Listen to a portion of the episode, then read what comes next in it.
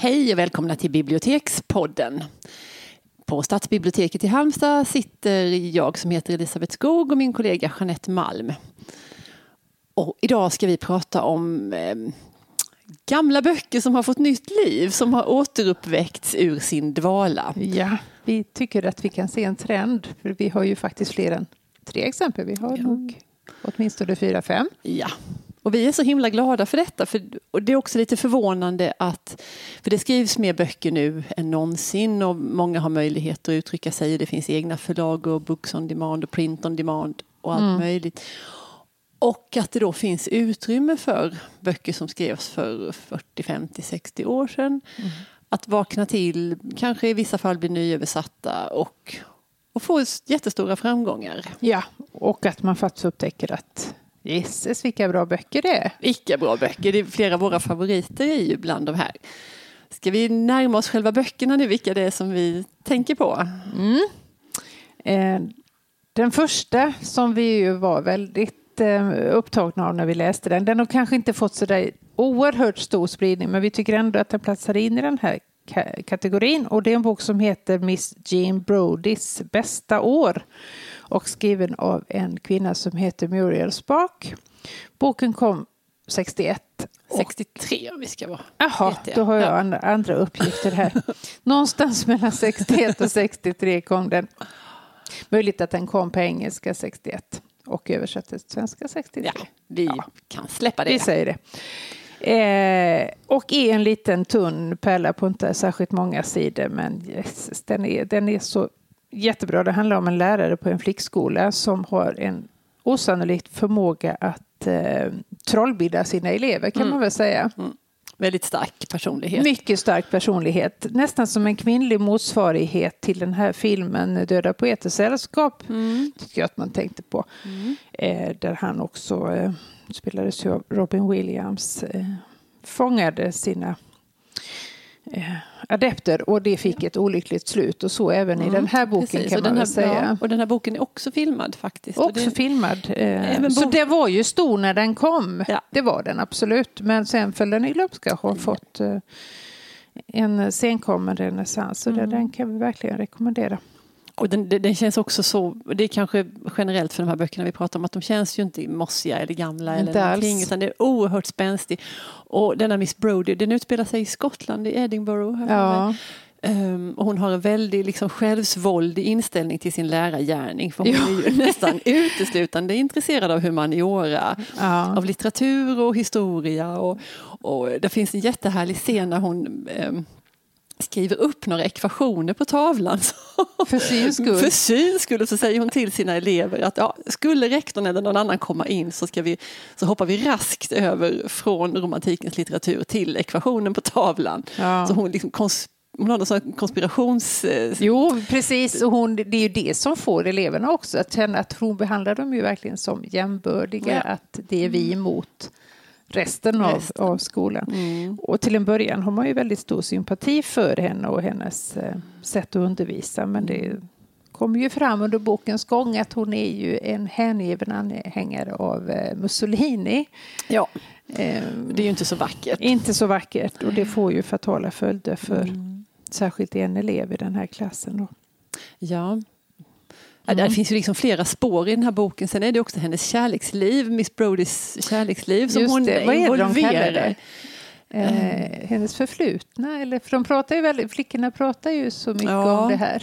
Ja, för dels är det ju det, hon, för hon har varit tillsammans med någon eh, egyptisk man som mm. hon har...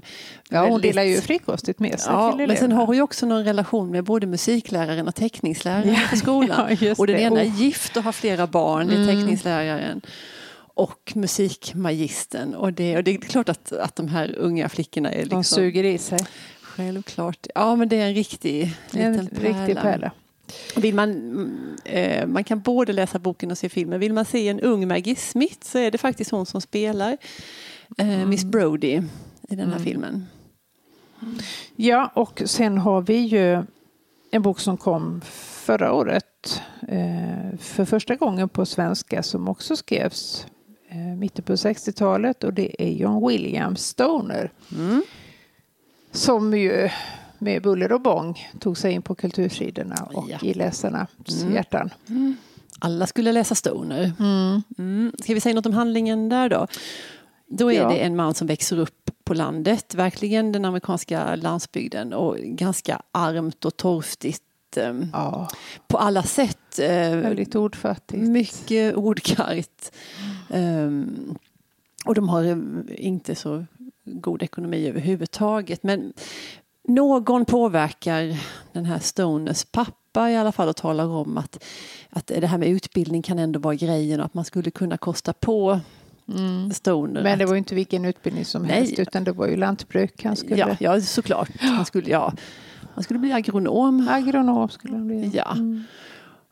Och på något sätt så skrapas det ihop medel till detta och han skickas iväg till detta kunskapssäte mm. i en illasittande fin kostym. Ja, det bästa de hade, men i den miljön han kom till så var det ju väldigt uppenbart hur oerhört fattig och fel han var. Ja, han är fel från dag ett och mm. han blir inhyses hos några släktingar som varken är särskilt intresserade av honom eller särskilt vänliga mot honom. Mm. Men han påbörjar denna agronomutbildning där. Och då finns där, någon av de första terminerna så finns där en obligatorisk kurs i i amerikansk litteraturhistoria mm, hette mycket det säkert. Oväntat. Ja, verkligen otippat. Men det var ju hans stora lycka kan vi ju säga. Mm. Eh, det, det, beskrivs ju väldigt väl i en scen, inte exakt vad det var, men att litteraturen drabbade Stoner mm, mm. på ett sätt som är, jag nog aldrig har läst om i någon annan bok, men man förstod att han, det var en helt ny värld som öppnade ja. sig.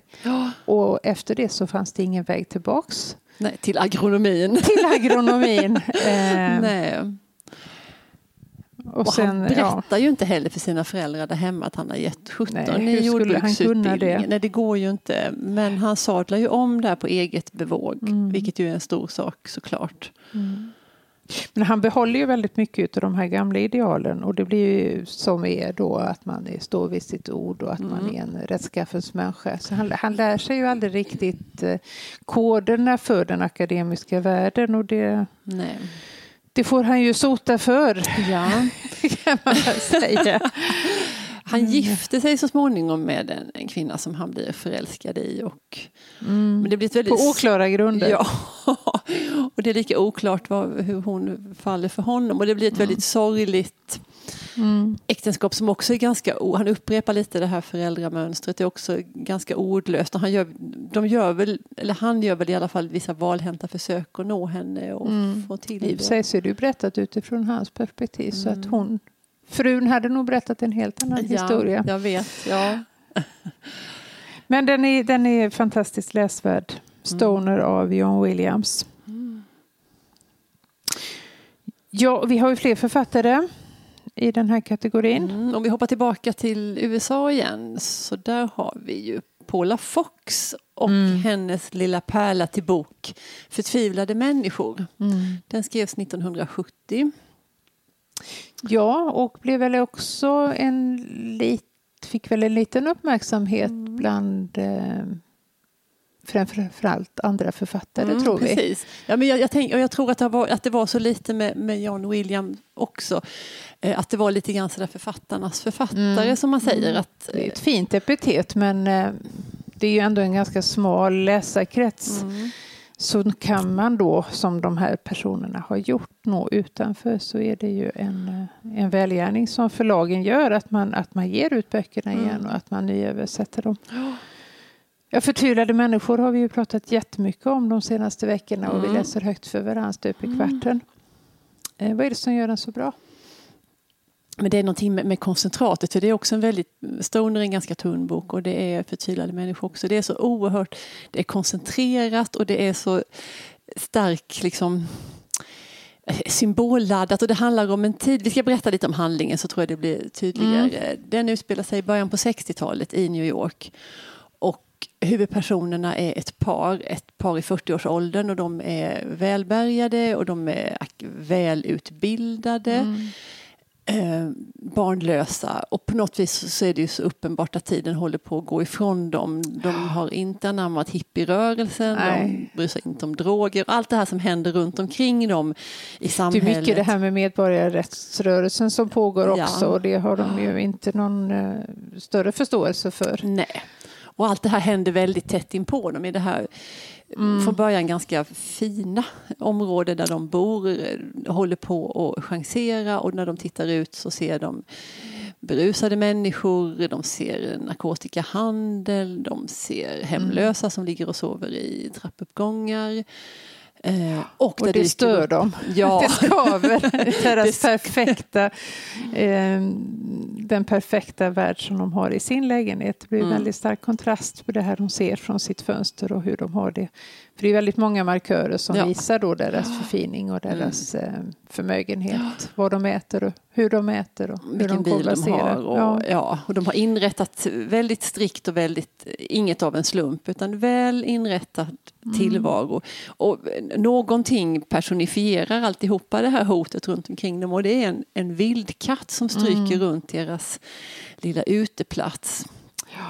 Och då får den kvinnliga huvudpersonen för sig att hon grips väl av någon sorts tycker lite synd om katten och vill göra en god gärning, en god sak som ska ge katten mm. lite mat och blir då biten i handen. Mm. Och det är det här bettet som på något vis... Det här bettet och det gör ju ont i hela kroppen när man läser om det här bettet och hennes bultande sår och hur det förändrar färg och hur det ena stunden så försöker hon att avfärdar det att nej, men det är bara en rispa och i nästa stund så är hon helt övertygad om att hon mm. har fått rabies och mm. varför går hon inte till doktorn? Man vill ju lyfta ut henne ur boken och bära henne till akutmottagningen. Ja. Och samtidigt så är det ju precis det här som kom, att nu har det kommit ända in på huden på dem, ja. den här nya precis. tillvaron, det här som mm. händer runt omkring som de försöker ståndaktigt stå emot och inte intressera sig för och inte ha med att göra. Nu har hon det ända in på huden. Mm. Detta är så snyggt gjort och så... Mycket snyggt och ett oerhört um, precis språk som mm. hon beskriver här. Mm. Och den heter då alltså Förtvivlade människor av det... Paula Fox. Och det roliga är att hon är född 1923, författaren, men hon har faktiskt fått uppleva den här senkomna berömmelsen. För hon ja. lever fortfarande. Hon lever fortfarande. Hoppas hon får några år till. Ja. Men däremot Richard Yates som han heter. Mm. Eh, han dog, jag kommer fast inte ihåg vilket år nu, men han, han, fick ju aldrig vara med om det här oerhörda genomslaget som hans... Sagan. Nej, Nej. och det, det, var ju framförallt då Revolutionary Road som mm. blev den stora eh, snackisen. Och där var säkert filmen med samma namn mm. bidragande. Leonardo DiCaprio och Kate Winslet mm. spelar eh, mm. mycket väl. Det är en av de bästa filmatiserade böcker jag har mm. sett för den ja. är faktiskt den minst stämmer. lika bra. Ja, och den stämmer ganska bra med... Väldigt trogen boken. Ja. Och, ja. Mm. Och han skrev ju väldigt egenartade böcker om eh, sorgliga men ändå vardagliga människoöden mm. kan man väl säga. Han skriver ofta om kvinnor. Det är många, mm. Den här Easter Parade handlar ju om två systrar. Ja. Han kryper in under huden på dem och han är, jag tycker han är mästare på att beskriva Liksom med, med, små, små medel så, så, så får man hela liksom personen mm. klar för sig. Det är nästan lite Alice Munro. Eh, ja. Besläktad lite. stil, kan ja, man säga det? Han kan beskriva en terrylenklänning som har en liten, liten flottfläck efter mm. en korvbit som har passerat. Mm. Eh, han, ja, det, är, det är en sån fröjd att, att läsa de böckerna. Mm.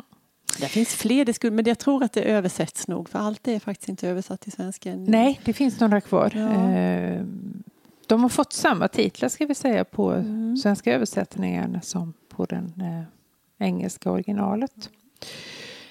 Sen har vi ytterligare en favorit som framförallt jag har varit väldigt upptagen med under hela det här året. Ja, det, var ett... det, är, det var ett himla tjat eh, om eh, Hans Fallada som hans pseudonym lyder och han har då skrivit en mängd böcker men de som jag har läst är, heter Ensam i Berlin och Hur ska det gå för Pinnebergs? Och, ja. Mm, och de är nyöversatta nu, ska vi säga. Det är ett förlag som har Precis. Fick också jätte, jättemycket uppmärksamhet när de kom ut. Mm. För de uh, handlar ju om uh, tiden dels under andra världskriget som ensam i Berlin och det handlar om ett par som gör ett motstånd mot rasismen. Uh, ståndaktigt, de vet att det, de kan inte förändra någonting men de vägrar att inte försöka. Och hur det då hur det går för dem. Och det, det är, ingen, det är inget lyckligt slut kan vi väl inte påstå. skrattfester. Och Nej. Pinneberg som då är, handlar om tiden alldeles före krigets utbrott och mm. Eh, Hitlers då långsamma maktövertagande. Och där man faktiskt förstår hur han kunde få med sig folket, mm. vilket han ju faktiskt fick till en början. Det är ju någonting med det där att man får liksom en, att, att man kan tillägna sig ett historiskt mm. skeende utan Precis. att behöva läsa facklitteratur eller liksom att det behöver bli så svårt eller sådär utan genom skönlitteratur så, så får man alltihopa serverat Alltihopa. för sig. Men det vi tycker är lite konstigt, eller vi tycker att det är väldigt, väldigt bra att de här böckerna har nått nya läsarskaror, men det vi inte riktigt förstår är varför. Varför, varför kommer de fram just nu? Nej, det är, det är spännande. Och ibland tänker jag att det är att som i, i fallet med Fallada att det, att det är förläggare som ligger bakom mm. och bestämmer att nu... Men det är ju inte samma sak som att det ska bli framgång av det, men det har det verkligen Nej. blivit. Men utan förläggarna så hade det definitivt inte Nej. varit möjligt. Så Nej. de är vi skyldiga stort tack. Det är vi. Det kommer en tredje översättning, en nyöversättning av Falla, den här Varg bland vargar. Ja, just det. Nu i år också. Får du läsa den också Jeanette? Då får jag läsa. Och sen vet jag att du vet en rolig sak om, om den här pseudonymen Fallada. Om man ska, ja. säga, ska man säga Fallada eller Fallada? Det, det vet, gjorde ju jag till en början. Jag sa Fallada, eh, men då fick jag läsa en eh, jättebra intervju i DN som då under för någon kanske ett par månader sedan hade två helsidor om eh, eh Fallada. och då berättade han, eller han, han lever ju inte längre, han dog redan 1947, men han hade berättat i en intervju att eh, han ville absolut att det skulle uttalas som Fallada, för det läste om en trumpetstöt, medan Fallada, beroningen på andra stavningen, det lät som någon som snubblade ut för en trappa och det ville han inte. Jag tycker det är så bra bilder de där snubbla ner för en trappa. Ja, och han har helt rätt. Det ja. liksom blir ju helt annan klang i fallada än fallada. Det är klart man vill vara en trumpetstöt. ja, men skulle inte vilja det. ja, eh, det om detta. Vi har eh, snart eh, väldigt fint besök i studion. Ja. Det är vår lokala statsråd, nämligen ministern på från utbildningsdepartementet. Hon är minister med ansvar för gymnasie och kunskapslyftsfrågor. Hon kommer hit och hon heter då naturligtvis Aida Hadzialik. Och vi välkomnar henne så varmt. Och vi ska prata böcker och läsning. Vi ska prata böcker. Och lite annat. Mm. Välkomna åter. Hej då.